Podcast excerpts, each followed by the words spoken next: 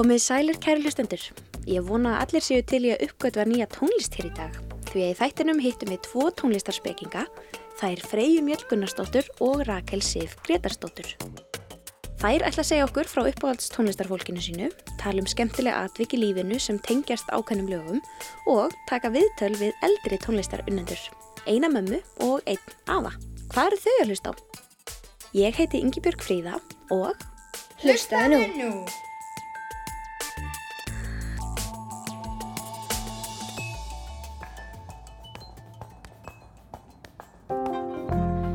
Vintage tee, brand new phone, high heels on, cobblestones. When you are young, they assume you know nothing. Hæ, ég heiti Freyja og ég er 12 ára. Ég bý í Reykjavík, Vesturbæ og er í Vesturbæða skóla. Ég æfi ballett og er líka í skátunum og mesta áhugaðlega máli mitt er leiklist. Ég hlusta slatta á tónlist og þá sérstaklega í bílunum með fjölskyldur minni.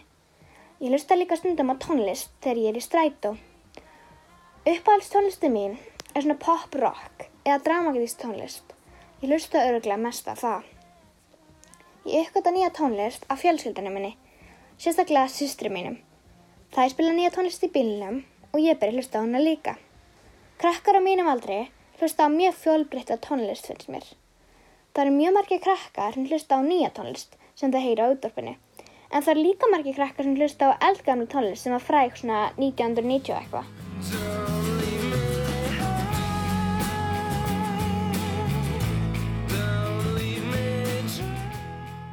Ég hlusta á bæði.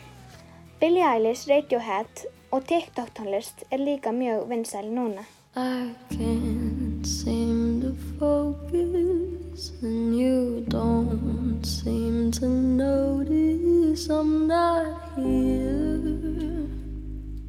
I'm just a mirror.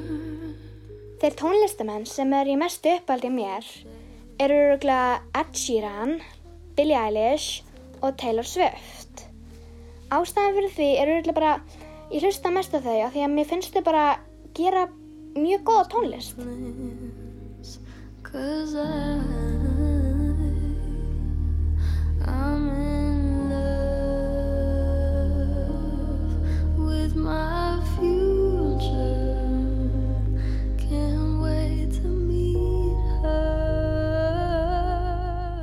sinni þegar ég var lítil fór ég á ættarmót með fjölskyldunum minni. Það voru mjög margir þar og um kvöldið voru börnum bóðið að koma upp á svið til að syngja lag. Mamma pappi örðu steinhissa þegar ég vildi endilega fara upp á svið og syngja. Þeir voru aðlega hissa því ég var bara þryggjára og sýsta mínar hefði aldrei gert þetta á þessum aldri því þær voru svo feimnar. En þetta var mjög krútlegt og okkur minnir að lagið hafi verið Sól Sól skína mig.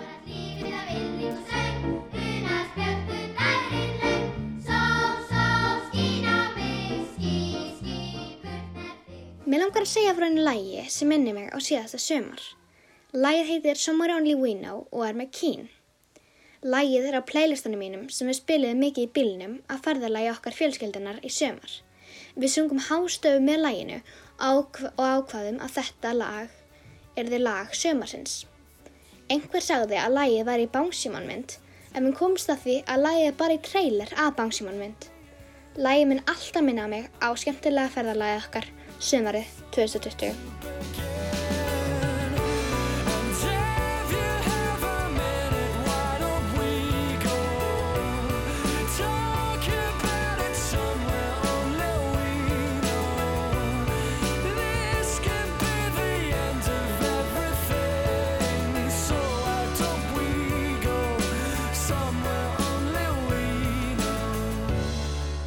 heiti Freyja og þetta er ég að hlusta.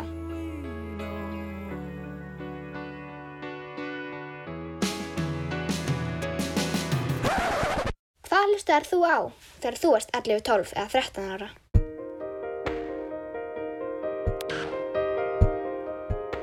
Hingað er komin Þorbjörg. Hún starfar hjá Mentamálastofnun og hún er 49 ára og hún er mamma mín. Hvernig tónlist hlustaðar þú á þegar þú varst jafngömmul og ég? Já, ég hlustaði nú bara aðlega á það kannski sem var svona í útvarpinu og mamma og pappi voru að hlusta á og bróður minn og já, svona kannski aðlega poptónlist sem var vinsalt þá. Og hvað var uppáhalds lagið þitt þá? Ef við erum að tala um hérna þegar ég var 12 ára, eins og þú ert núna, þá mann ég að það var eitt lag sem ég held mjög mikið upp á og það var lagið Total Eclipse of the Heart með Bonnie Tyler sem er svona mjög dramatist og, og skemmtilegt lag og ég man að við vinkonurnar, við, við sungum þetta hástöfum og gott við byggum mikið til einhvern dans við það.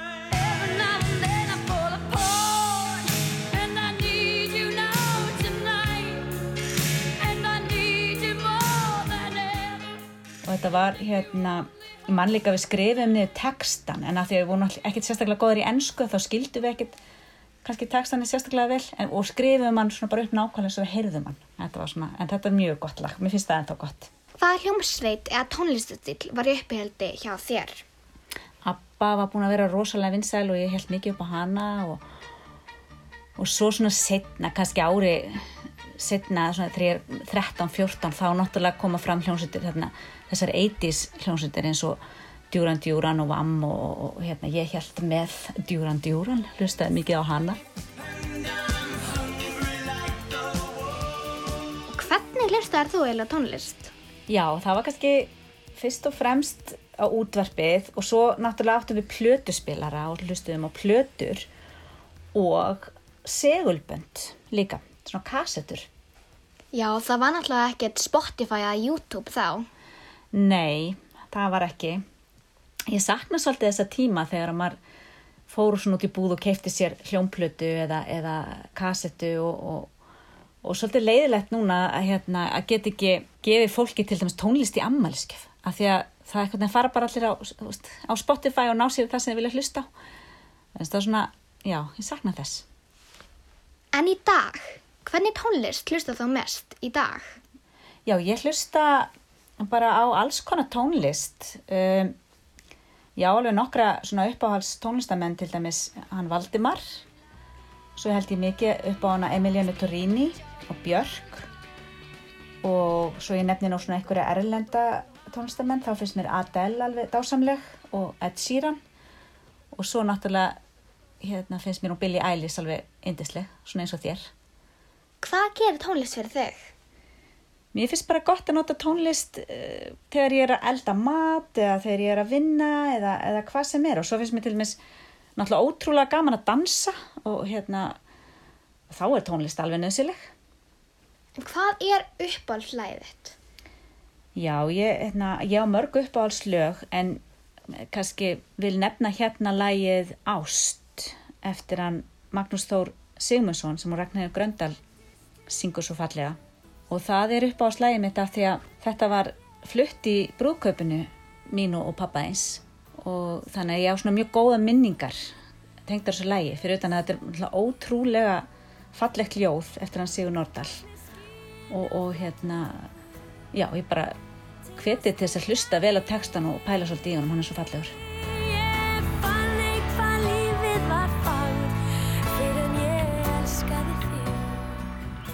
Takk fyrir þetta skemmtilega samtal. Já, takk sem er leiðis. Að Þú ert að hlusta á Hlustaðu nú.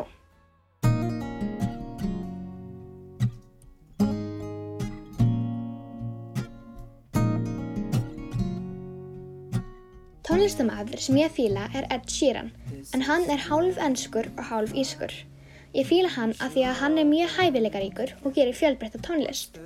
Ég fór að tónleika með honum í fyrra sem voru æðislegir. Mér langar að spila lagið Icy Fire. Ég valdi það að því það er skemmtilegt að syngja með því og textin er rosalega flottur.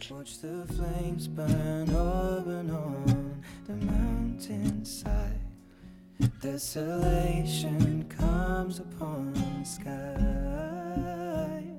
Now I see fire inside the mountain.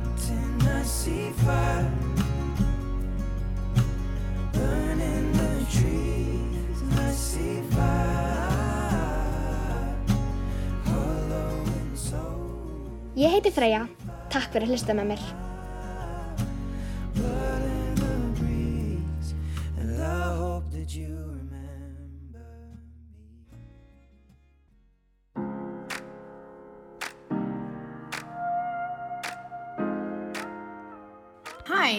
Heiti Rakel og ég er 11 ára gömul.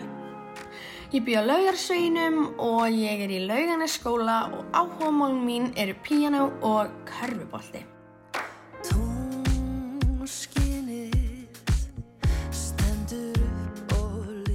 Ég hlusta mikið á tónlist, bara þegar ég er að vinna heimanám með vinum mínum. Ég hlusta bara alls konar tónlist, bara rap og rólega tónlist, bara hvernig stuði ég er. Ég uppgötu nýja tónlist með oftast bara með því að spyrja vinum mína og spyrja þá hvað þeir hlusta á. Ég spila á píanó og það er ekkert sem mér finnst skemmtilegur en annað að spila á píanó. Það er bara allt skemmtilegt. Tónlist sem krakkar á mínum aldrei í dag hlusta á, það er oftast svona rap frá erlendum röppurum. Uppáhalds tónlistakonan mín, GTRN, hún er bara með góð lög og hún er góð að syngja, bara það, hún er held ég uppáhalds, bara, já, ég hlusta mikið hana.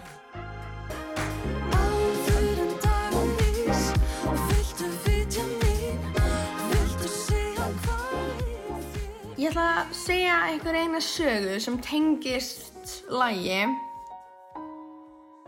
Í sumar þá hlustaði ég mikið á, eða hlustaði fjölskylda mín mikið á lögin sem voru í Eurovision myndinni eins og Jaga Ding Dong og Húsavík og það segja ykkur að við hlustum svo mikið á það þegar mest við vorum á leiðinni til Húsavíkur í sumar með vinum okkar og þar fórum við á sjóböð og höfum rosa gaman og ég held að það minni mig á þau lög. All I needed was to get away, just to realize that I was meant to stay. Where the mountains sing through the screams of seagulls, where the whales can't live cause the gentle people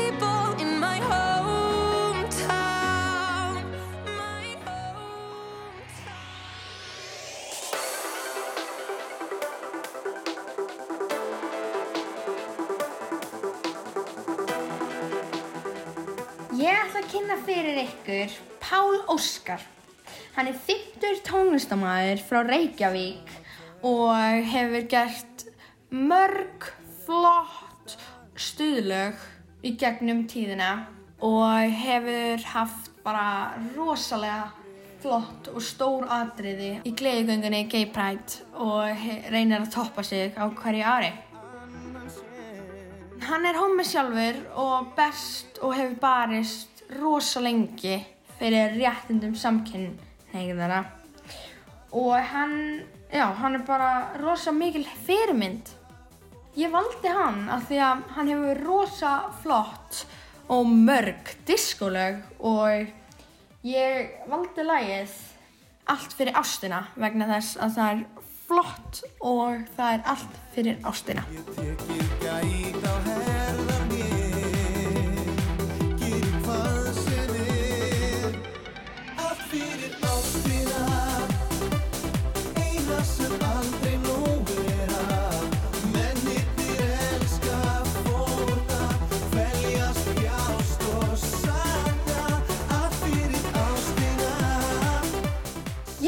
Rakel Sif og þetta er ég að hlusta á.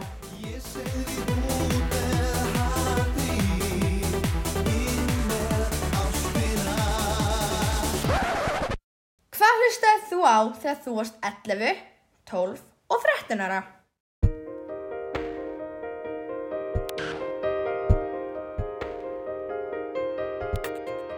Viðmælandin hér er afi minn, hann Vignir Ljósálfur, hann er 64 ára, hann er kennar í laugunskóla og sér um bókasafnið. Hvernig tónlist hlustaði þú á þegar þú varst ungur? Uh, ég var, held ég, bara aðlæta á tónlist nokkurn veginn þegar ég var á þínum aldri. En kannski minnst klassíska tónlist þá gerir meira því núna. Ok. Áttur eitthvað uppáhaldslag eða lög þá? Uh, ég man ekki eftir uppáhalds lögum en ég var svona já, hrifin á nokkrum hljómsveitum eins og Bítlunum til dæmis og hljómum og svo man ég líka eftir hljómsveit breskri sem að hétt The Monkees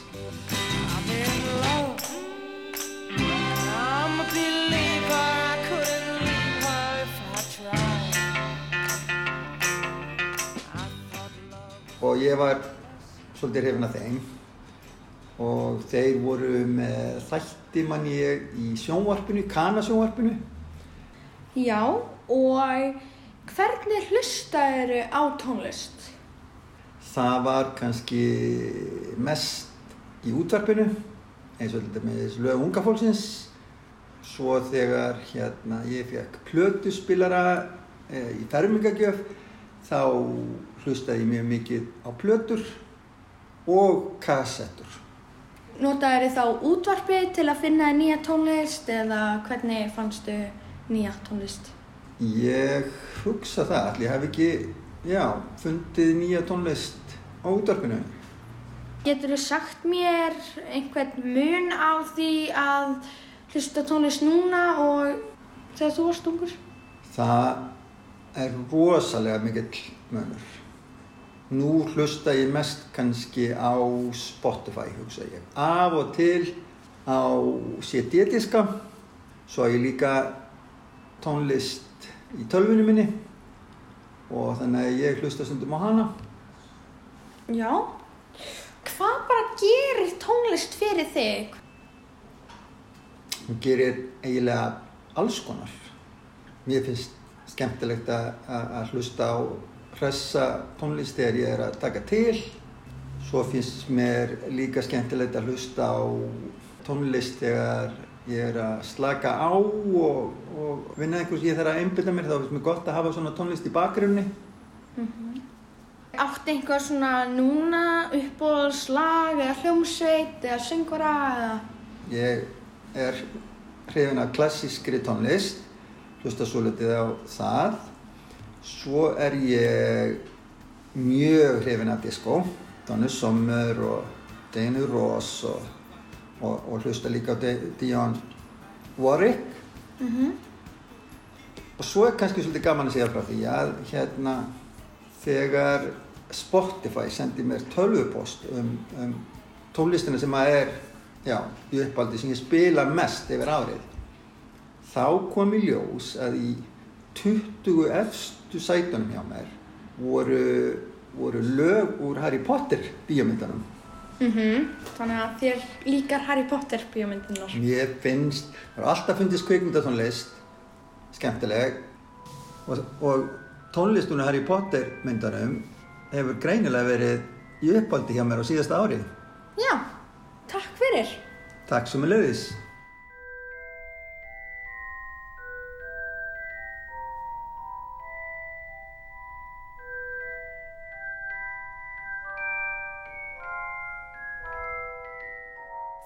Að hlusta á Hlustaðu nú.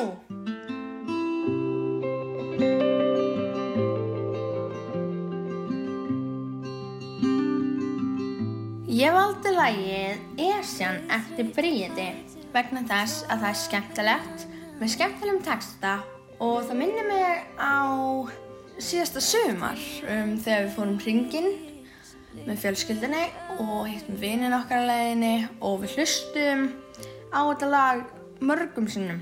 Textin um er um hvernig ástin kemur og fer og bara ég syng alltaf með því þegar ég heyra það. Bríett, hún er ung en hún er alveg búin að gera rosalega mörg og flott lög. Grasið var græna og fjallaðan hér er ég nú Allt er svo litlust og grátt Ég get leitað og leitað fram að heimsend og út og gefið allt sem ég átt. Því að heimsjan er falleg en ekki falleg en þú. Ég heiti Rakel Sif, takk fyrir að hlusta með mér.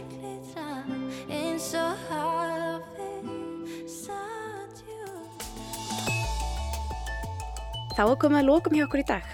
Við þökkum Freyju Mjöll og Rakel Sif fyrir frábæra umfjöllun um tónlistina sem þær hlust á og auðvitað viðtölin við þau Þorbjörgu og Vigni.